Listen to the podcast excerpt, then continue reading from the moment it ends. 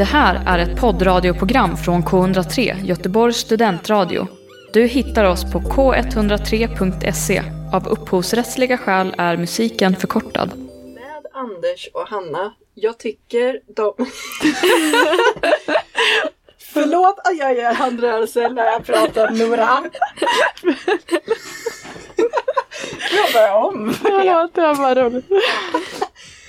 Jag pratar som en italienare. Ja, Vad oh ska my jag God. säga? det var, eh, när jag var yngre så var det typ folk som trodde jag var italienare för jag gjorde jättemycket så då. Oj, Jaha. Wow. Ja. I alla fall, från början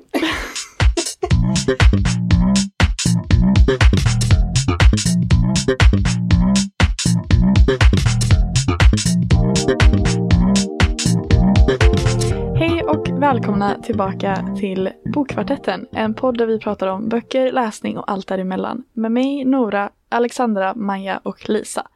Och nu är vi tillbaka från sommarsemestern och vi rivstartar med ett bokavsnitt där vi ska diskutera boken Dalai Larsson av eh, Ola Norén och Roland Ulfzelius. Och vi blev tipsade att läsa denna av en lyssnare där ute, så tack till dig för tipset. Eh, ja, vi drar igång. Eh, Alexandra, vad handlar den här boken om? Jag tänker så här, om man ska börja beskriva Dalai Larsson någonstans så kan man ju nämna att det är en komedi och att alltså hela premissen går ut på att den förra Dalai Lama dör och vore det inte lite skoj och lite småknasigt om eh, han eller hon, alltså den själen återföds i en svensk person. Och det är det som den här boken utforskar. Liksom så är det flera bebisar det emellan som, det, som kan vara den nästa Dalai Lama och så är det typ eh, en sån här klassisk eh, tävlingsstory eh, när de ska försöka hitta vem är nästa Dalai Lama? Är det den här svenska barnet som heter Roy eller är det någon annan av de europeiska barnen som har blivit valda Men de har ju försökt leta, eh, munkarna då, eh, har ju försökt hitta vilket barn det hade kunnat vara som är den reinkarnerade versionen genom någon slags eh, teknikgrej som har kollat vilka sekunder alla barn är födda. Ja, de menar det är samma liksom sekund som Dalai Lama som- dog. Ja, precis. Ja, eh, okej, ska vi säga kort bara innan vi går vidare och djupdyker här. Eh, vilka vi rekommenderar den här boken till. Vad tycker du Lisa? Oj, det var en svår fråga. Ja, eh, framförallt så är den ju en komedi, så någon som ja, men, intresserar sig för sånt. Men jag skulle också säga att det här passar bra som semesterläsning. Nu är ju tyvärr semestern slut, men annars någon som vill ha något lättsamt att läsa. Eh, för jag skulle säga att den är väldigt lättläst och ja, flyter på bra. Ja, jag tänkte egentligen samma, att det känns som en väldigt eh, klassisk hängmattebok. Eh, så att om man nu har någon motsvarighet till hängmattan under hösten så kan man ge sig på den. Soffan. ja, soffan, filt och te typ. Mhm. Den- Alltså, den är mysig ändå, lite så här trevlig. Man behöver inte tänka så mycket, man får liksom en berättelse till sig bara.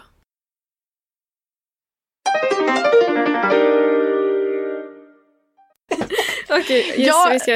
Eh, Rekommenderar boken. Eh, kanske inte till någon som alltså då inte gillar humor i böcker. Eller så är det just det Eller man, eller så är det, just det man ska göra. Kanske. Ja. alltså för att get into it menar du? Eller vad? Ja, fast så kanske jag hade inte rekommenderat den här boken då om man... Alltså om man bara läser typ. typisk, alltså det är en väldigt eh, Djupa- speciell typ av humor som antingen gillar man det eller så gillar man det inte. Men det, det är en komedi. Det, man får det man får. Fast jag ska säga dock att alltså, jag har aldrig typ läst komedi riktigt. Eller fast kanske jag har. Nej men inte typ renodlad komedi så. Eh, så att jag var ju också skeptisk i början när vi blev tipsade om den här boken. Liksom. Eh, men jag tyckte ändå om den. Så att, eh, ja men som du säger Lisa, även om man inte är ett stort komedifan kan man kanske ändå tycka om boken.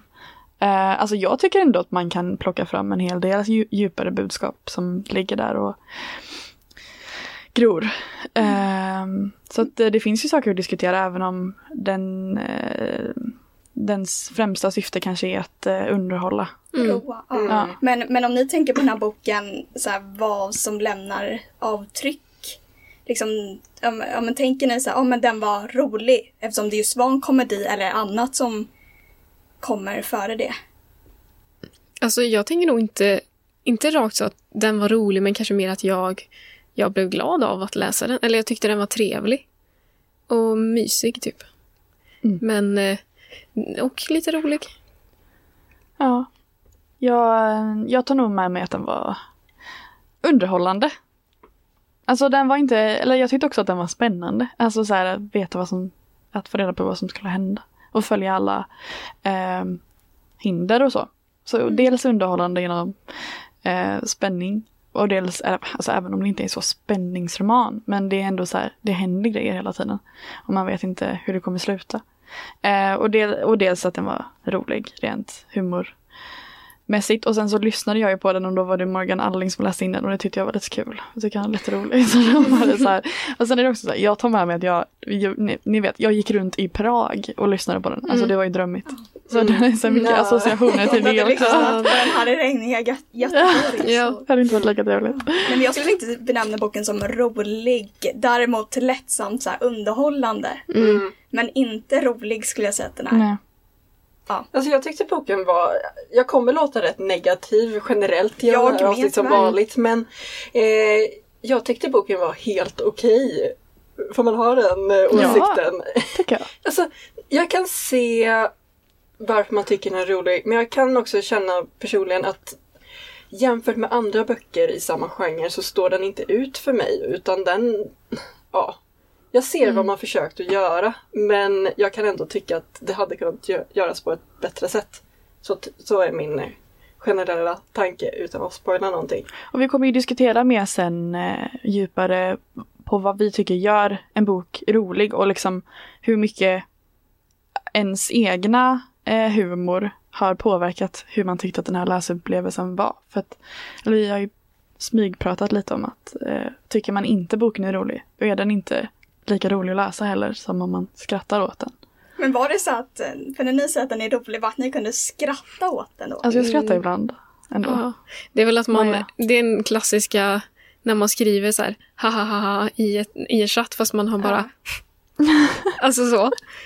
Men det är väl ändå att man tycker, eller alltså jag kanske log någon gång så. Alltså, men skratta, det är, det är väldigt sällan jag läser en bok och liksom börjar skratta högt eller så här. Alltså inte när man sitter själv, Nej, det känns lite, nej. lite konstigt Ja. när man skulle sitta Fast jag, Jag jag, det. jag har sett på mitt café där jag jobbade förut, det var det en jättegullig äldre dam som satt med en bok, hon satt ensam vid ett bord, började hon gapskratta. Men de, jag tänker, för mig i alla fall om det ska hända, då måste det vara en väldigt rolig bok. Det har såklart det har hänt att jag sitter och bara Det här är så roligt att jag måste skratta högt. Men generellt är jag svår, eh, Svårflörtad. svårflörtad när det gäller eh, att visa känslor när jag läser någonting. Det blir... Mm. Mm, för jag tror jag som högst så är så här, ja men log några enstaka gånger men inte mer än så. Och till och med där jag liksom märkte att de försökte vara roliga så tyckte inte jag att det var roligt. Jag var bara så här, hopp. Men ibland kan ju det förstöra typ om man märker att det verkligen, Ja, precis. alltså de Och anstränger sig för att det ska ju vara det är en av delarna jag störde mig på lite den här. Alltså jag kände verkligen bara att det satt någon som satt bredvid bara Tycker du inte det här är lite kul Mm. idag? Och, och det var oftast, tyckte Peter på mig lite och bara, det var oftast i "Skratta då, slutet av, och det var oftast i slutet av kapitlerna sådana där små uttryck kunde komma. Ja. Men jag tror att det kan vara en grej som jag tycker är roligt ibland när man märker att så här, här tänker de att det ska vara kul och så tycker jag att det är roligt att de tänker att det ska vara roligt. Så kan det typ bli kul på något sätt ändå. Alltså att man om, eller ja, jag vet inte hur jag ska förklara. Jag kan typ förstå det. Alltså att Ja, jag förstår också Alltså att jag, jag kan tycka att det är kul att läsa en sån bok också för att man har lite så här halvhöga förväntningar och så är det bara roligt att se hur, hur väl de lyckas med det eller inte. Mm. Eller så. Fast det är snarare där jag inte tycker det är roligt. När, man, för, när författarna förväntar sig att det ska vara roligt så liksom blir det nästan som ett glapp. Men det kanske också för att jag verkligen inte är rätt läsare för den här boken. Så det... Vem tror ni är rätt läsare då? För boken? Eller jag? Mm, enligt dem själva är det ju de som älskar hundraåringen som klev ut genom fönstret och försvann.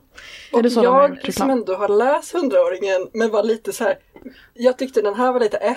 Så är Mm. inte det nödvändigtvis. Men det är samma typ av humor egentligen. Mm. Generellt. Men det jag saknade i Dalai Larsson är Alltså i Jonas Jonassons böcker som är författaren bakom hundraåringar. Där blir det alltid att det spårar mer och mer och det blir mer galet och mer galet och mer galet. Det kommer aldrig i den här boken. Och för mig tycker jag att det tappar lite för Alltså, Jaha, jag tyckte den spårar för mycket den här boken. eh, Jag tycker också den spårar ganska mycket. Men den Alltså, kanske inte spårar om lika man- mycket som nej, hundraåring. Den spårade, men jag förstår vad du menar. Det är inget som bygger vidare på den, liksom... den, den blir inte mer och mer dramatisk. Det är mer att man hämtar bitar från olika ställen. att den går, den går när man tror att det inte kan bli någonting mer galet, då händer någonting ännu galnare. Liksom. Men det är ändå att man köper det som händer i liksom, det universumet han har byggt upp. Mm. Den här så kände jag mer bara, ja, ja, ja, whatever. Ja, eh, vi har ju lite delade åsikter men vi går vidare nu. Men vi vill eh, säga en spoilervarning här nu. Nu går vi vidare och pratar mer detaljrikt så då kan det komma spoilers. Eller det kommer komma spoilers, så be warned.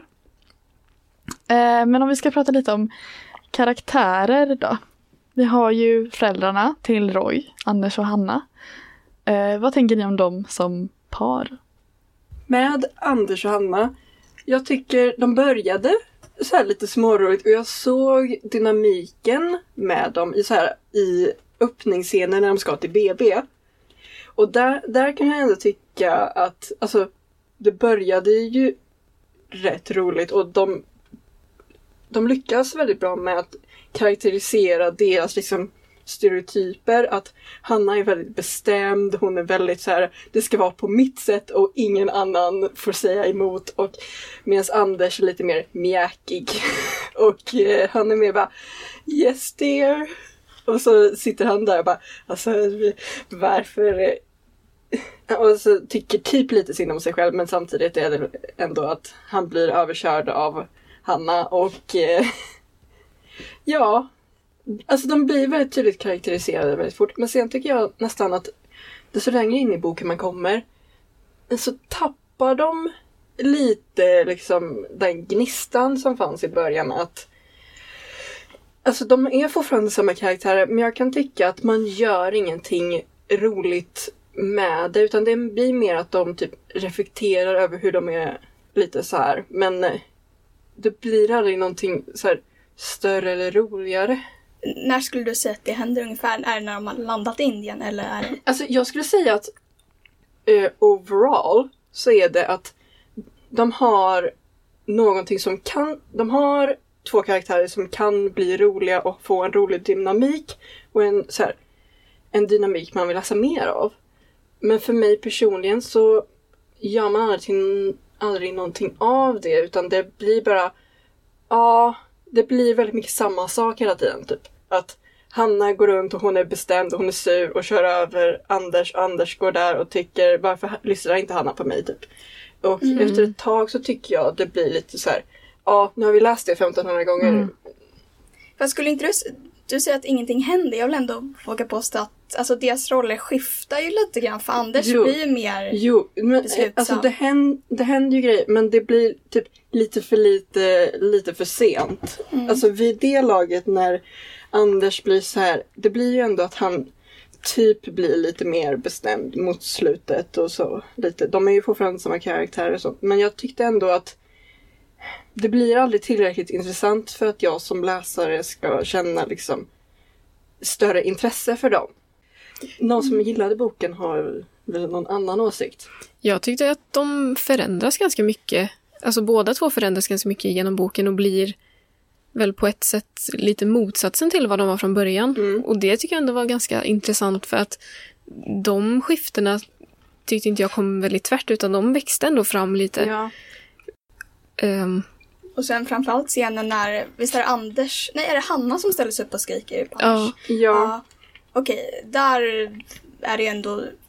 Vet du, där stärker ju ändå att hon är eh, bestämmer och sånt. Men eh, jag skulle ändå säga att hon har ändå ett visst undertag där. Men om man tänker i början så, ja men som du sa Alexandra, så lyssnade ju eh, Anders bara på det Hanna tyckte typ. Och Mm. vågade inte riktigt säga om han tyckte något annat. Och sen det ändras ju absolut under bokens gång skulle jag säga. När han, Mm. alltså han börjar gå emot Hanna istället då. Mm. Eh, och eh, ja, eh, struntar i att hon inte håller med honom om eh, att de ska utnyttja de ekonomiska vinningarna och så. Ja, och sen det är väl också lite spännande på något sätt att han, eftersom han är lite feg på vissa sätt då, så gör han många saker bakom hennes rygg. Och det är ju också, så här, då vågar han ju bestämma själv vad han ska göra, men han vågar inte säga det till henne. Och det blir ju lite så här, för man tänker ju hela tiden, hur ska det gå sen när hon får reda på att han har sålt ut deras barn på olika sätt och Ja. så här. Jag tyckte ändå de, det var ganska intressant. Men håller ni med mig om när jag säger att Anders är den personen som får mest utrymme? Eller det är liksom mer fokus, inte från hans perspektiv, för det är ändå tredje persons perspektiv eller vad man säger. Men det är ändå Anders som är liksom fokalisator som man liksom fokuserar på det genom hans liksom perception nästan. Det är inte så att man Mm. tittar från Hannas ögon, även om det är tredje person. Nej men det är ju Anders, liksom hans tankar och känslor som får utrymme i den här boken. Alltså Hanna är ju mer där som, ja, alltså medans det finns ju det du säger, det finns ju ett fokus på Anders och han som person. Hade det varit från, skrivet i ett förstahandsperspektiv så hade det ju varit från Anders. Men nu är det ju här tredje person och eh, det är ändå att det är en allvetande berättare inom citationstecken. Men det är ändå att man följer Anders som typ som huvudkaraktär. Men jag vet alltså jag har aldrig tänkt att det är, alltså det är givet att Anders är huvudkaraktären. Men om du Nej, tänker jag har på inte hans tänkt på det så mycket känslor heller. och Men du beteenden som tänker honom- beskrivs. Alltså, jo, Det är jo, som fast att Hanna ganska... beskrivs lite utifrån, man kommer Ja. inte henne lika nära. Men hon reflekterar ju ganska mycket kring det här Ja, med att hon börjar tänka på Buddhism. eh, buddhismen och att hon börjar öppna sig. Så jag tycker ändå det är ganska mycket inre reflektioner från henne också, även om det kanske är, om man skulle alltså här, ställa dem mot varandra så kanske det är mer Anders, men det är ändå Alltså just eftersom det är en allvetande berättare så tycker jag det är ganska ofta så här att det kan vara i en dialog så står det så här, hmm, hmm, säger Anders och tänker, eller och tänkte att bla bla bla. Och sen så kunde det vara samma sak med Hanna, att eh, hon säger något och sen tänkte hon Ja, i så samma fick man, stycke ja, så, typ. fick- ja, så fick man höra vad hon tänkte. Mm. Ehm, Men jag skulle ändå vilja säga att det är lite en form av extern röst när Hanna Ja, typ jag tänkte, jag vet inte varför, men det är väl det. bara för att jag i början tänkte jag verkligen på det, de där första kapitlen när de skulle till BB, så det verkligen var, var mycket Anders gjorde Mm. från hans perspektiv. Ja. Och det kanske lämnade spår efter, men det... Mm. Sen eh, rent liksom om man tänker antalet ord och tecken så är det säkert lika mycket, men det kanske är mer tyngd åt det Anders. Jag vet inte. gör. Men Ja. eh, vad tyckte ni om dem som karaktärer? Liksom som eh, dragande. Kände ni att de var så här något två, liksom en dynamik ni var intresserade av att läsa mer om? Menar du dem emellan? eller? Ja, de emellan, liksom de som karaktärer. Blev ni intresserade om hur det skulle gå för dem? För jag kände, alltså, jag har ju redan sagt det, men jag, jag kände lite så här. På ett sätt så känner jag lite att jag läst den här berättelsen flera gånger innan och den gav inte mig så mycket nytt. Men jag ställer frågan till er då. Hur tyckte ni om de här karaktärerna och den här dynamiken? I början svar ja, då vill jag veta för när de var i Sverige så tyckte jag ändå att det var en ganska intressant relation. Det kom ganska många påtryckningar från ja, men, regeringen och sånt att de skulle iväg till Indien. Men sen när de väl hade landat i Indien var det som att den nästan försvann lite som du var inne på Alexandra. Um, ja, men det var väl för att mycket annat hände där och förflyttade fokuset till det. Däremot så vill jag ändå säga att då blev jag lite mer intresserad av Siv och eh, av Siv och Gunnars relation, det vill säga Anders och Hannas föräldrar. Det var nästan som att den fick mer utrymme där för att utvecklas i alla fall. Mm. Alltså jag tycker nog lite tvärtom. Eh, att jag hade nog ett mindre intresse i Sverige. För då var det så här, okej, this is a couple, de ska ha barn. Tjoho liksom. Eh, det hände ju hela tiden och eh, ja men typ att, alltså det kändes väldigt typiskt att Hanna var så här ganska vresig och sur som gravid. Eh, och Anders var eh, ja, lyssnade bara på vad hon sa. I och för sig har man ju hoppat eh, de gamla traditionella gender rollsen där och det var ju lite kul men det känns också som någonting som har gjorts förr. Mm. Men ändå det här Eh. lite typiska att pappan ska så här, nu ska vi ha barn, nu ska jag stå upp för min fru Ja. här och så här, det var, Exakt, ja. så ändå ganska klassiskt. Um, tyckte inte det var jätteroligt men sen då när ehm, det blev den här konflikten att eh, Hanna blev mer spirituell och absolut inte tyckte att de skulle blanda in alla de här sponsorerna och Anders blev väldigt materiell. Ehm, ja, jag tyckte det var intressant att följa det typ. För då så blev det ju mer så här, okej men kommer de ens hålla? Mm. Och kommer de skilja sig nu liksom? På grund av hela Dalai Lama-grejen. Ja, jag Då håller nog med dig där också att eh, de grejerna som de, eller deras förändringar har ju inte så mycket att göra med liksom, deras roller som mamma och pappa liksom, utan det är mer andra personlighetsegenskaper som växer fram. Och det tycker jag också var intressant att det var mer att de var, blev olika som människor som gjorde att man undrade liksom, över deras relation. Mer än så här, är de bra föräldrar? Eller alltså Ja, i början kändes det som att det var den typiska starten på vilken film som helst. Så det är kul att vi kan tycka så olika om, eller att Ja. det är så tvärtom. Jag tyckte Men- nästan så här att när de kom till Indien och deras sådana resor började att det är verkligen typ A tale as old as time kanske inte är rätt uttryck men verkligen som någonting jag läst hundra gånger innan. Mm. Och Jag tyckte det var de lite gjorde förutsägbart. inte någonting nytt med det riktigt utan det är den här typiska misskommunikationen att Anders helt enkelt inte säger grejer till Hanna vilket skapar konflikter och jag kände vid det laget att desto mer fokus det var Alltså fokuset på Hanna och Anders delar kände jag att det gav mig ingenting. Mm. Det gav mig ingenting nytt, det gav mig ingen eh, större underhållning mer än att ja, det är lite småknasigt ibland att Mm. eh, så och alltså den emotionella upptrappningen som kommer där fick därför ingen payoff på mig riktigt. Men det är också att jag som läsare kanske inte var rätt jag var inte rätt läsare för den här boken mer än att det var någonting större fel på boken i sig tror jag. Mm. Utan Å andra Ja. sidan kan jag förstå varför folk ändå behåller den här spänningen när de väl har landat i Indien. mm, Och eh, du sa Nora att det var intressant att följa dem om de skulle separera eller inte. Jag vet inte. Jag tänkte ändå att de inte skulle göra det. För Nej. jag tyckte det var ganska, i sådana fall är det på ganska vaga argument, inte argument, men vaga skäl. För jag tyckte ändå de var ett ganska starkt band och om man tänker inför varje prövning som Roy, eller ja, det var ju föräldrarna som gjorde det. Att de ändå liksom stärktes där. Men det var ju mer bara det här yttre som kändes lite mer att de blev olika. ja, men jag tänker nog att så här, hade det varit jag som var i den situationen så hade jag typ tyckt att det var en jättestor issue att man hade så olika värderingar. Så för mig hade det varit en dealbreaker. Mm. Eh, men ja, det kanske inte hade varit det för dem. Och det blev ju bra sen liksom. Men det blev ju också bra för att Anders ändrade sig. Mm. Jag vet Mm. inte ifall de hade hållit honom. Men det var ju uppenbart att han skulle ändra sig för han hade ju fel från början. Det hade varit svårt för... Alltså, för hela den konflikten bygger ju på att Anders ljuger för sin fru Ja. egentligen och inte berättar grejer till henne som involverar deras barn. Om man tänker på det så så är det svårt om han på något sätt skulle liksom få någon återbäring eller om det skulle gå bra för honom moraliskt för det hade inte passat med budskapet. Så på det sättet så Mm. Men jag vill inte vara sån, men jag skulle bara så här. Jag tyckte den var ganska förutsägbar, så det vad som än skulle hända så visste jag typ att det skulle sluta bra. Så på det sättet så Ja, var det som att spänningen inte så här, liksom, vad säger man? Eh, Den liksom plattades av eller Ja. tunnades. Så det var inte så här upptrappning. nej men jag håller verkligen med dig där. Och jag nämnde ju innan lite att jag inte tyckte den spårade ut. Och det var ju att jag tycker inte den emotionella upptrappningen riktigt kommer.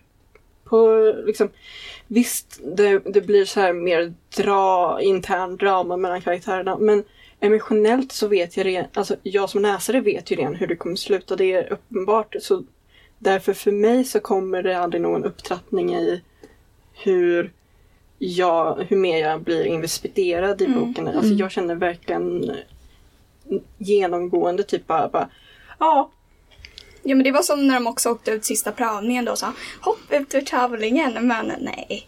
Det var eller, eller, eller tänkte ni att det är så? Nej, man visste ju Ja. att de skulle komma till... Men, men jag vet inte om jag...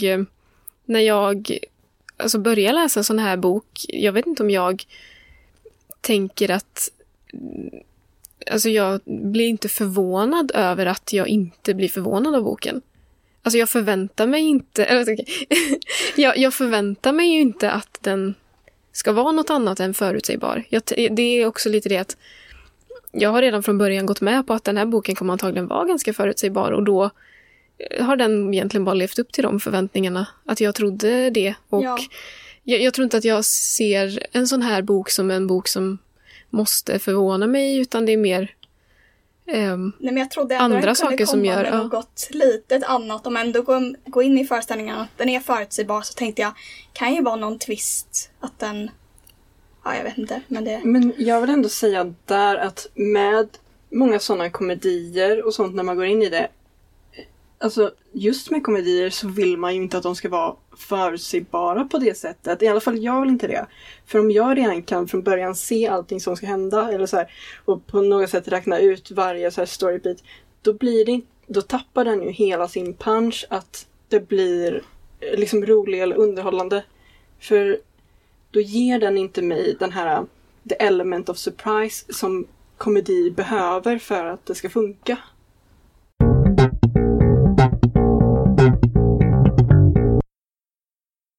Roy var ju verkligen bara en upplyft bebis. Men- typ, vad ska man säga Men apropå de här prövningarna, jag tänkte verkligen att Roy skulle göra alla. Sen Mm. bara, det var ju föräldrarna som gjorde ja, Men ja, det var ju sjuka Ja. prövningar. Ja. Ja, Alltså, what? mm. Men det här, det, här, det här är ändå intressant att prata om. Alltså, så här, tycker ni att det här är en fair alltså, beskrivning av buddhismen? För den är ju ganska vrickad egentligen på Alltså, vissa ja, sätt. Men så liksom, här. så här hade man ju inte utsett Nej. en Dalai Lama och är det rättvist då att måla upp buddhismen Sista så här? prövningen är dock det som är prövningen. True. Eh, men eh, jag tror inte att de gör fler prövningar än det. Nej, jag, jag är osäker. Jag försökte liksom ta fram hur man utser nästa dag. eller- Gör men jag kan inte? Ja, nej, men jag de kan gör... inte hitta så mycket om När jag Att man utser barn som Ja. fötts samtidigt. Mm. När jag Ja. sökte så hittade jag att man hittar potentiella kandidater och de ska hitta ett föremål då som har ägts Mm. av Dalai Lama. Ja, Så det kan var vara någon i Kanada, någon i. Kina, Men- Men, men de brukar ju oftast leta efter ett barn i Tibet. Okej. Så Ja. att det är nog det som är... Okej. Och de hade väl inte, alltså det jag menar var vrickat, var, eller så här, vrickat kanske är starkt ord, men alltså så här, de hade väl inte eh, eller hade, hade de det gjort typ en sån övning att apan skulle lämna kakan?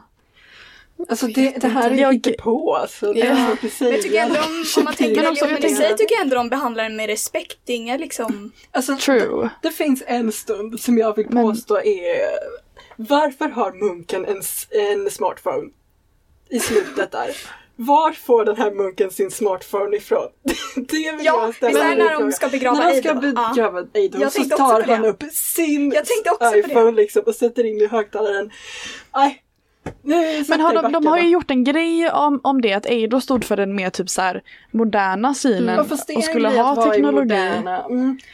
Ja, okej. Jag, jag köper ändå att de skulle ha typ teknologi i templet eller whatever. Men att en munk skulle ha en smartphone. En traditionell tibetisk munk ska ha en smartphone. Ja. alltså sådana detaljer. Det stör min hjärna. För det känns som att Ja. man inte riktigt ändå mot slutet Alltså, Alexander. Alltså, Ja, och det var också att inom buddhismen, hela poängen med att bli munk, det är att säga ifrån alla så här materiella ting till viss del. Nu är inte jag expert på buddhismen, men det är ändå en av grundtankarna för att bli en munk. Men att när författarna beskriver att den här munken har en smartphone faller sin ficka. Det, det är en sån liten detalj, men det känns ändå som att jag vet inte. För mig så fallerar liksom Mm. att de ska ha gjort särskilt mycket research om den här tron som de ändå har byggt hela den här boken kring. Men apropå frågan Nora ställer, tycker att det liksom gör det, vad var det, vrickat? Eller liksom... Eller alltså Oj. blir det orättvist då? Ja. Alltså att portray För det där är väl mer bara kanske jag, en miss. jag, jag vet inte för jag är inte själv buddhist. Det är Nej. jättesvårt för mig att avgöra om det här är korrekt eller inte. Men Ja. det... Jag undrar verkligen vad folk som är buddhister säger om den här boken och Ja. vad de tycker. Det jag menar är väl ifall man skulle uppleva att den var förlöjligande. Mm. Mm. Det är väl det jag syftar på. Men, det vet jag inte. f- Eller Men det jag tycker ändå att det finns... är Från person Jag tycker ändå att person, munkarna men- får en ganska, alltså sättet de beskrivs på tycker inte jag, jag tycker det är, ja men, inte kanske lyfter upp dem, men det är neutralt. Men jag tycker också att det nyanseras en del eh, genom alltså, den här eh, amerikanska skådespelaren David Hayes. Som man förstår, eh, alltså han har ju på något sätt utnyttjat eh, buddhismen för att eh, nå framgångar och sådär. Och jag tycker ändå de lyfter flera lager av att eh, det är många sådana alltså asiatiska religioner och eh, eh, spiritualis... Vad säger man? Alltså, Spiritualismen, något ja, sånt. som har lyfts mycket och blivit typ lite trendigt på sistone. Och Mm. det är kanske inte så respektfullt heller. Men som att de Att det finns lite olika, ja. lite, för jag minns i alla fall när, And- eller minns, men när Anders blir eh, ja, men, intresserad av mer materiella ting, pengar och sånt. Eh, så det är ändå Hanna som står upp och säger, ja, ja men tänk på aid och religionen. Kanske inte liksom Ja. Ja, och, hon, så, men och då är inte heller att hon säger att hon har blivit buddhist, utan hon har bara någon, alltså en djupare respekt. Mm. Eh, så jag tycker det finns ganska många lager i boken som är, Ja, alltså som nyanserar det lite. Ja, just alltså som princip tycker jag väl inte de gör något större fel så, men jag kan inte uttala mig i den frågan för det är inte min religion. Jag kan Nej, inte uttala nej. mig om Nej. Och det kan inte jag kan inte heller uttala mig. Nej. Nej. Men tror ni att Anders och Hanna är eh, Dalai Lamas vad säger man, föräldrar? Eller? Mm. Så det känns som att nu kommer frågan in ifall man tror på reinkarnation. Nej, för jag vill bara säga så här, sista, nej, för, för den näst sista prövningen när de åker ut, då har ju de åkt ut. Mm. Och då är de ju alltså inte föräldrarna till Dalai Lama. Mm. För det är ändå ödet som bestämmer. Men man kan ju hävda då att ödet bestämde att De de, andra skulle bli ja. kvalif- eh, Mm. under- diskvalificerade. Ja. Och att de skulle få komma tillbaka. Alltså om man tänker i bokens universum så, så vill jag ju ändå tänka att Roy är Dalai Lama. För att det är, Mm. det är roligare att tänka så. Eller uppenbarligen är ju det Jo, med jo, den jo, jo men alltså, Så det, ja, jo, exakt. Men jag tänkte också alltså, under bokens gång att så här, oavsett vem av barnen som blir utsedd nu så är inte det ett trovärdigt sätt att utse nej. den nya Dalai Lama på för det kändes som att så här, alltså hur det gick i prövningarna var bara en till, alltså det var bara tillfälligheter eh, och typ att så här, alltså typ, Jo, Fast boken alltså, försöker ju ändå motivera att bebisen svävade. Ja. ja, man inte det är sant. Alltså, det är faktiskt... Jo men och sen att sista, sista prövningen faktiskt är, nu vet jag inte hur trovärdigt den är gjord i boken, men att den sista prövningen som ändå ska vara så här, den slutgiltiga, det stämmer ändå hyfsat överens med hur det har funkat i verkligheten. Då kan man ju ändå så här, ja, de har väl ändå försökt att göra så att det ska bli någorlunda, Mm. alltså att det ska Jag funka. tror ändå att de på något sätt har försökt så att de ska inte förlöjliga religionen tror jag väl ändå att det har varit intentionen. Jag känner inte att den här var liksom på något sätt den hånar ju inte buddhismen eller på något sånt utan sånt. Men, eh, Men det är heller ingen fakta. det, det är ingen, bok. men jag tror inte man går in i den här boken och förväntar Nej. sig att Nej, nej, saker nej. ska vara jättekorrekt. Nej. För det är ju ändå, man får ju ändå säga att det är eh, i grund och botten en komedi och man, man får liksom eh, vara Ja. okej med faktafel även om jag personligen inte Ja, och om, det. om någonting så hånar den ju snarare Sverige som Ja, ja. ska gå in och försöka göra någon hel liksom, Mm. eh, militäraffär av detta. så, så det är ju, det är väldigt så här Ja. klassisk svenska Och just- utomlands. Och just Ja. uttrycket Ja. Team Sweden får man rysa varje Ja. gång Morgan Men det Alling är säger samtidigt- det. För det är så reklamigt och liksom Men det är samtidigt Sälj- så svenskt att Mm. säga Team Sweden istället det- för att bara säga svenska Det låter som att man vill vara ett stort team, så här gemenskap, Ja. men man vet att det inte är så. Men hörni, eh, ska vi säga någonting nu när vi ändå är inne på staten? om staten. Eh, jag eh, alltså avskydde ju från första början Louise. Eh, tycker hon verkar helt osympatisk och fruktansvärd. Ehm, Det är alltså hon, eh, just det, ja. eh, spinndoktorn. Ja, alltså vad Den menar så de? kallade spinndoktorn. Vad betyder det? Jag Presschefen för Socialdemokraterna i den här boken. Men eh, Ja. säger de att det är Socialdemokraterna? Jag tror de i, Jo, jag tror de i säger det. en Jag bara kommentar, kommer inte ihåg. någon slags mening någonstans säger att Ulla Wikman, statsministern i det här universumet, är socialdemokrat och Mm. Okej. därför måste Louise vara presschef för Socialdemokraterna. Mm. Alltså Ulla och... Nej, vi ska inte prata om henne. Eh, nej men hon, eh, alltså hon tvingar ju dem basically att vara med i prövningarna för ja, de, hon gjorde ju så att de, barnet inte kom in på dagis och Mm. de, de kunde inte handla i affären och allt sånt. Ja. Ehm, Var det också ödet då? Vänta, det var så extremt när han skulle Alltså, handla på. Systembolaget. Då var det... Nej. Jag måste säga att jag köper det inte. Jag köper nej, alltså det inte. hade ju Nej. inte kunnat Nej, hända. nej, Men det grejen bästa är- ändå när det är så det- utanför det. Alltså själva humorn i den här ligger väl ändå så, så någonstans i att man måste kunna tro att det hade varit möjligt.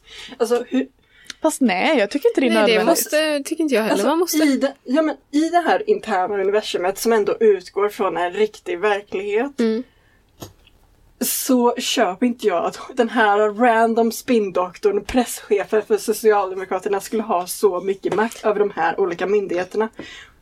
Och därför, när hon går runt och, och alltså när de blir så här avvisade från dagis, Systembolaget, blir vräkta från sin tomt. Det är massa människor som den här Louise skulle ha behövt liksom prata med och manipulera och hota och bla bla bla. Jag köper inte. Nej. Ja, nej men det är klart att det inte och då, hade Nej, men det gör väl ingenting? Nej, det gör väl Det inget. Men då faller ju humorn också i det. För det är, ändå, det är en sak om någonting är liksom otroligt.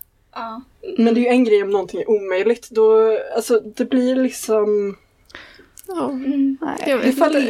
ja, men jag håller med dig. Jag vill ändå att det ska vara lite förankrat i verkligheten. Ja, men det är så här, när man går vara- in i en sån här bok, jag tänker liksom att mm, om vad som helst händer så kan det få hända. Typ. It's not supposed to be realistic. Eller jag, jag kanske tyckte det var lite roligt när det var så här hoppar utanför deras hus och allt sånt. För jag bara, det här händer inte. Men Mm. Ja men det är det, alltså, så här, det, är- det är kanske är det som jag, alltså jag tycker det är mer kanske roligt då att, att det var helt uppåt väggarna. Alltså, så här, Mm. Det här skulle aldrig hända och så nu låter vi se vad som skulle hända om det faktiskt kunde hända. Ja, och hela det här att de flyger in Christian Luuk och Mm. så här, massa specialister. Det hade ju inte Ja. heller hänt. Men jag tror, jag tror att en del till att jag inte gillar den här särskilt mycket, det var att författarna försöker göra så, alltså de försöker göra så mycket med humor, att det ska vara så mycket och det måste vara, allting ska vara helt what? Eh, För att för det ska bli något, det räcker inte bara att de får vaga hot utan det måste vara att alla på he, alla myndigheter i Sverige hatar och har svartlistat Anders och Hanna för att det ska bli roligt. Och någonstans och, och att de flyger in ett SJ-tåg. Ja. SJ-tåget. De flyger in Köttbullar! de flyger Sill. inte bara in Christian Luuk och Fredrik Lindström, de flyger in hela svenska Blom. kultureliten. Ja men det, är också, det tycker jag också var kul att det är så här, Ja. de är i Indien och ska vara jättelänge och så måste de ha så knäckebröd Det tyckte jag också smör. var en så här intressant, intressant, en intressant take. Ja, Alltså det säger också någonting om alltså, svenskar i utlandet, Mm, ja. svenskar som alltså, reser, ja, hur man behandlar just- andra Just kulturer. den biten tyckte jag var okej med maten men när de har, redan har haft så mycket grejer en detalj som hade kunnat vara rolig då försvinner bort för att eh, allting annat är så det blir, för mig så blir det mer löjligt än roligt. Det blir mer så någonting som jag bara ja okej. Men jag Eh, kanske, jag kan nog det känns inte underbyggt på Men- det sättet som, alltså för mig, riktigt bra humor är liksom osannolikt otroligt men jag kan ändå se hur den i dens interna logik hade kunnat hända eller hur i den här världen det hade kunnat hända. Sen är jag väldigt petig, jag vet det. Men jag kan köpa att Fredrik Lindström och, eh, och Christian Luuk var där, men liksom Nej men jag håller med dig, det blir mer löjligt än roligt. Roligt var det, eller det var inte roligt, men lite, okej ja, vi använder det ändå. Det var väl lite roligt att de var där. Mm. Men sen blev det bara löjligt. Så fort så den tredje Mm. personen nämndes vid namn. Det som jag tyckte var problemet med att de här personerna kom dit var nog mer att det eh, pekar ut en väldigt specifik tid i Sverige. Alltså Mm, att om tio år så är det inte längre samma personer som är experter inom de här områdena och då kommer inte boken vara liksom relevant på det sättet. Att de kanske begränsade sin egen boks relevans lite genom att göra det. Men annars är det väl så här, det var lite överdrivet för att just att de trodde, alltså att de ens trodde att det skulle vara klassiska frågesportfrågor som skulle vara i prövningen. Men där Men ja, så Men- det är väl det kanske. men det där med att bokens relevans minskar, jag skulle väl ändå säga alltså Visst, de kommer inte vara experter men man kommer veta vilka det är. Även om kanske Jo, Visst, jag, det jag året- tror det kommer vara om, alltså om 10-15 år så är den här boken rätt utdaterad skulle jag tro. Eh, men samtidigt, det är intressant för de vill inte ha en svensk statsminister som man kan peka på att det här är i den här tidsperioden. Mm. Men ändå så lägger de in massa kändisar som man kan ändå peka på, ja ah, det här är... Ja. Jo, men det är väl för att Men- statsministern ska vara korkad. Ja, jag förstår vad du menar. Och jag förstår varför de har gjort så. Men samtidigt så... eh, Alltså den interna logiken för mig funkar inte alls när man ska titta på dem från olika håll. Mm. Ja, för det är verkligen så här, det är verkligen så att det politiska inte är vid sitt rätta namn. Nej. Men, eller så här, ministrarna och statsministern. Men eh, Och- Men ändå Ja. ska det vara massa kändisreferenser hela tiden vilket blir... Det blir konstigt på något sätt. ja, jag tänkte på det men det var inget jag reagerade över. Det var inget jag störde mig på.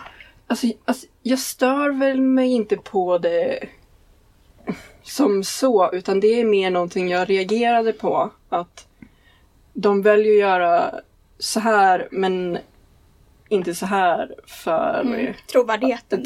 för uppenbara skäl. Att de vill inte håna en statsminister för mycket eller vara s- på det sättet för politiska, skulle jag tro. Ja, men det tror jag också. Mm. Det hade Det hade nog varit varit skandalöst. lite- Typ. Det är inte den bästa boken jag har läst, Men men, jag tyckte den var trevlig. trevlig, Och det var så skönt. Alltså, det var, för mig var den väldigt skönt som paus från andra tyngre och längre och tjockare och mer tankekrävande böcker. Så att det var så här, jag brydde mig inte om att den var förutsägbar. Det var så här, det var bara skönt och Mm. den var så plöjbar bara. Men är det den sämsta boken jag läst i år eller? Eh, nej. Nej. Jag vet inte. Jag... Alltså jag har i och för sig inte läst jättemycket i år men Jag, jag kan kolla vad jag har läst Alltså jag senare, tyckte ju men om den här boken. Jag kommer Ja. inte säga att det är den Jag värsta. känner... Alltså, för mig är det lite mer... Alltså, hade man... Hade det inte varit för podden, då hade jag sagt bara, ja, ah, det var en okej bok. Men jag skruvar ju till viss del upp det här lite för att det ska bli underhållande att lyssna på. Så att man får någon annan som inte säger, ja, ah, det var så bra. Ja. Eh, vill bara ha en liten brasklapp där som säger Ja. det. Men, Men hallå, nu ska jag säga något kontroversiellt. Jag tycker den här är bättre än Klara och solen. Jag tycker Men det skulle Nu ska jag säga något kontroversiellt jag med. Det här är typ en av de sämsta böckerna jag läst. Alltså under året. Men Du kan inte ha läst särskilt dåligt. Nej, men, nej, men, förlåt för att utveckla. Nej men det är en av de sämsta böckerna jag läst i år. Eller den, är- det är nog den sämsta bok, eh, boken jag läst i år, men inte sämsta boken jag läst under, men det pom, under liksom, livet så. Men det påminner verkligen om klassisk mellanstadieläsning. Mm. Och då har jag väl läst sämre böcker Alltså, där. Men ja. det, Men jag vet inte, jag, Jag tycker, inte det, det är så, jag tycker det är så himla svårt för att det finns säkert böcker som jag har läst i år som, egent, som, som jag kan rent objektivt säga är bättre. Men det behöver inte betyda att jag tyckte mer om att läsa den. Jag tyckte om att läsa den här. Men det behöver inte betyda att den har liksom den högsta, eller alltså högre kvalitet än någon annan. Alltså det, jag tycker det är så svårt. För mig är det väldigt stor skillnad på så här, om jag tycker om att läsa en bok under tiden och hur, hur bra den är. Liksom, eller jag kan ha ganska svårt för att kolla på liksom bra film till exempel. Eh, men det behöver inte betyda att jag tycker den... Eller, och då kanske det är roligare att kolla på en dålig film. Men den är ändå inte bättre. Alltså, Ja, ja. jag fattar. Och jag kan lägga till också det faktum, jag har läst en del ur liksom svensk komedigenre och liksom författare som är mer eller mindre liknande. Det är samma grej typ varje gång fast olika premisser hela tiden. Det är samma språk och liksom komedi och sånt. Och det är en genre man antingen gillar eller inte gillar. Men den här så känner jag spontant att den står inte ut jämfört med andra roligare böcker. Vilket får den här att liksom bli sämre i mina ögon. För jag har läst en del av genren. Eh, men i sig så är den väl inte en dålig bok vill jag inte säga. Men det finns ändå grejer jag hade önskat var annorlunda eller i mina ögon bättre. Mm. Jag vill bara försvara lite till. Men anledningen till att jag inte gillar den lika mycket som andra böcker är väl för att den... Men jag tycker framförallt att det är mycket ja, men, ord och uttryck, lite så här klichéartade, klichéartade metaforer och klyschor. Det känns som att men jag, jag är en sån som gärna berörs lite av språket och därför blev inte jag berörd Nej. samma sätt. Mm. Ja, lite mer. Samtidigt, det är ju inte heller en sån typ av bok, så här litterärt så. Nej. Nej. Nej. Nej, jag tänker om man har samma förväntningar på den här som ja, men en klassiker eller det typ eh, samlade verk eller så här, då kommer man ju bli besviken.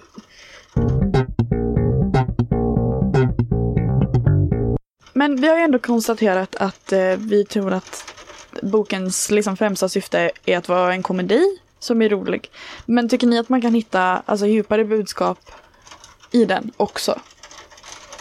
Alltså författarna försöker ju med ett djupare budskap. Jag ser ju. Jag, alltså det finns ju djupare budskap i den här boken och liksom som du sa med materialism och spiritualism och eh, liksom religion och lite sånt. Men när det är en sån här bok som jag tycker är lite eh, då försvinner budskap. Alltså den kan ha hur starkt budskap som helst men det går inte riktigt in till mig eftersom att jag inte tyckte att boken var särskilt minnesvärd egentligen. Jag kommer inte minnas så mycket av den här uh, om typ ett halvår, en, ett år.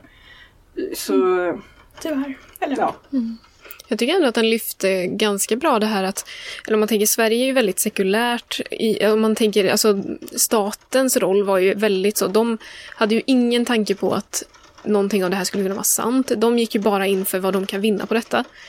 Och då tyckte jag ändå att det var fint hur den lyfte Hanna då som Alltså det slutar inte med att hon bekänner sig till någon religion eller så, men hon börjar ändå... Alltså den här...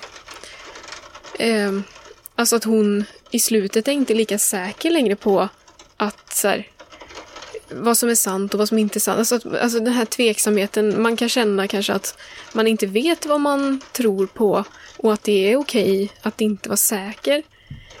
Ehm, jämfört med hur antagligen de var innan det här så skulle ju ingen av dem ens ha... De skulle ju bara skrattat åt att deras barn skulle kunna vara Dalai Lama och sen så blir det liksom att ja, men allting kanske inte är så himla 100% säkert. Och, och, och det är okej. typ. Jag håller med er där med budskapen och jag ser dem men jag skulle ändå säga att jag inte ser dem lika. De hade kunnat göras lite tydligare. Samtidigt som Alexander säger så är det här en sådan typ av bok där det ja, kanske inte ska medföra något så här tungt budskap så för det är väldigt lättsamt och lättsmält men eh, ja, men jag ser budskapen men inget så här jag tänker på när jag läser den här boken. Alltså jag tänkte jättemycket på hela alltså statens involvering och allt och JAS-planen och att typ statsministern bara var en symbol. Hon hade ju egentligen ingen authority för att hon, alltså andra manipulerade eller så här försökte bara- kontrollera. Alltså hon var ju inte, hon var ju inte så kompetent. det Men var ett det var- väldigt diplomatiskt sätt att Ja. det på. Men jag menar så här, alltså jag vet inte, jag tyckte det var intressant typ att eh, eh, tänka på if- ifall det hade kunnat vara så någon gång att man, alltså att statsministern bara var som en symbol och typ alla tror att, det, att den har något att säga till om men så är det de som viskar runt omkring och de kanske inte är så himla tjoho men det, de granskar man inte på samma sätt. Typ, Mm. Ehm, men ehm, ja, jag vet inte, det var, alltså det är ju ändå så här ändå, det hade ju kunnat hända. Alltså vi säljer ju JAS-plan, eller vi skickar JAS-plan menar jag. Det är ändå, för mig är det inte så långt bort. Och Nej, det tycker jag är det- läskigt att den, tänka på. Alltså den delen, men just den delen med JAS-affären så tror jag eh, den hade kunnat göras starkare. Alltså som premiss tycker jag det är jätteintressant. mer bara motivering Och varför liksom, de... eh, ja, gör mer, liksom, mer om själva det. Det är mer som en typ eh, bakgrundsinformation för att det ska skapa lite drama mer i, i den här mer än någonting annat tycker jag. Alltså, den får inte så mycket utrymme som den hade kunnat få och den blir... Det, det känns lite som fel plats att ha den här Men det är som att tungt och lätt vägs mot varandra. Ja, och den får inte någon större tyngd genom att där en komedi, två, den läggs inte jättemycket fokus på vad som, varför det här är viktigt för svenskarna mer än en motivation att det kommer leda till jobb och pengar. Men det är väl Eh, det, men är väl- ofta så enkla anledningar Ja, till att det- man gör det är saker. väl Och det pekar så, på hur, hur det lättvindigt så- de kan göra. Exakt. Men det är ändå så att liksom, när jag redan från början tyckte att statsmotiveringen var konstigt, att den här Louise har så mycket makt. När hon är också en stor del av den här JAS-affären som en spinndoktor. Alltså jag vet inte, men jag, jag tycker att hade det varit att man på något sätt byggt upp det på ett sätt som känns trovärdigt. Då hade jag kanske tyckt att den var mer väl välgjord och väletablerad. Men när hela grejen med stat, statsinvolveringen i den här är så uppskruvad till max så blir det nästan som att den tappar sin tyngd när det väl kommer en grej som hade kunnat få eh, eller bli intressant eller liksom på ett sätt kritisera staten på det sättet. För vi har ändå konstaterat att det finns två budskap lite grann. Man kan tro på vad man vill eller Mm. med eh, JAS-planen då. Eh, och Och kommersialiseringen Precis. av religionen. Men då vill jag ändå säga, då tycker jag visst, hade man kunnat utveckla den här idén om kommersialiseringen och JAS-planen, men då tycker jag hellre man ska eh, satsa på eh, det här med andlighet och sånt, för det liksom ligger redan i linje med vad boken är på väg. Eller det liksom etableras lite, ja men redan ganska tidigt när de får det här telefonsamtalet och börjar tänka så här, åh, är det vår Roy eller någonting? Så hellre lyfta det lite mer.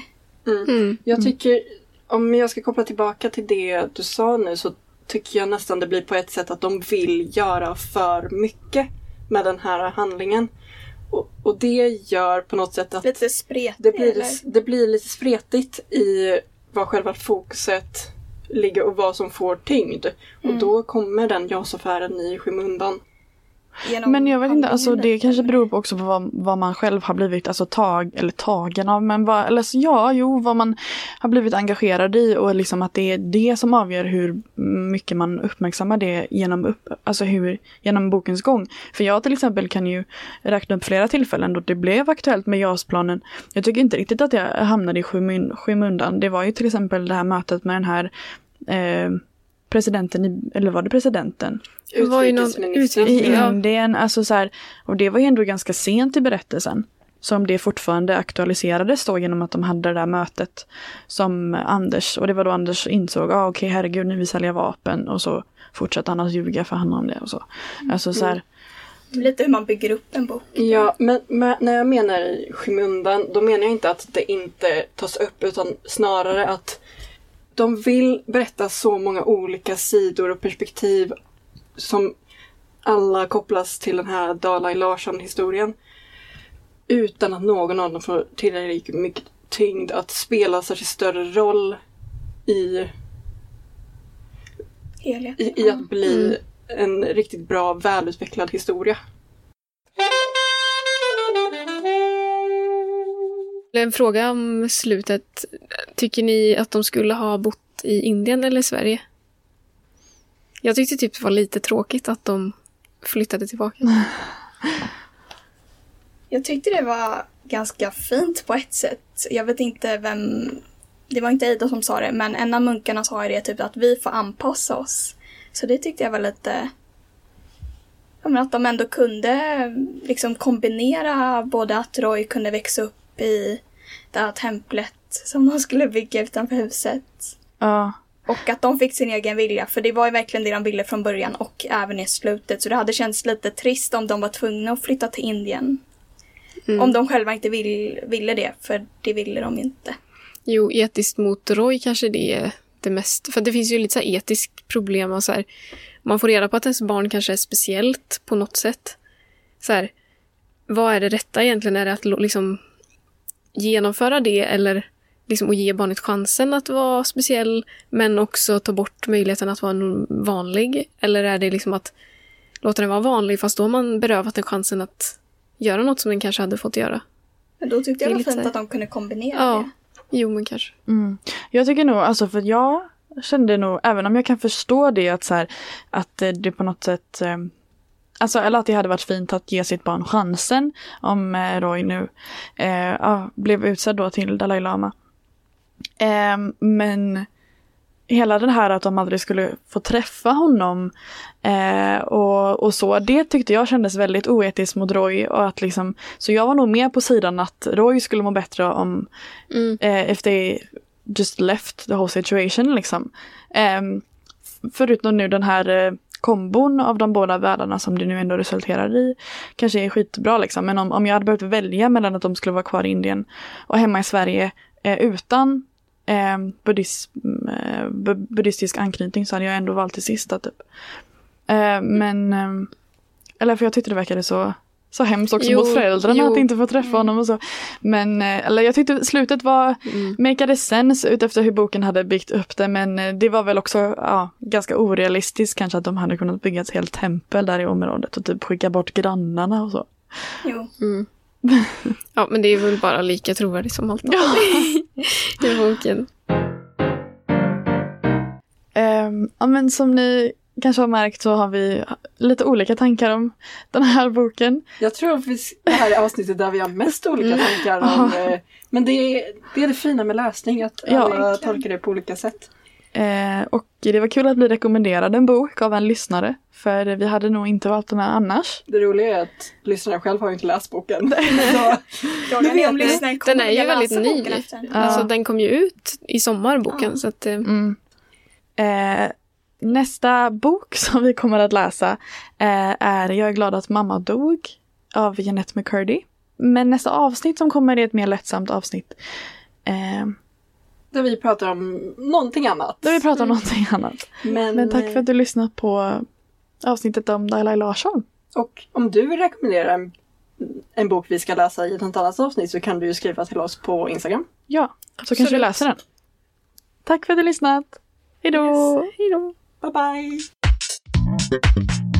Gud vad det Regnar det? Alltså det skulle inte, det skulle inte regna förrän klockan här- 19 och jag är inte så jack. Det är Okej. nu det här är sätter tonen för att man ska så här, ta en filt, Ja. läsa Dalai Larsson med en kopp te. Ja.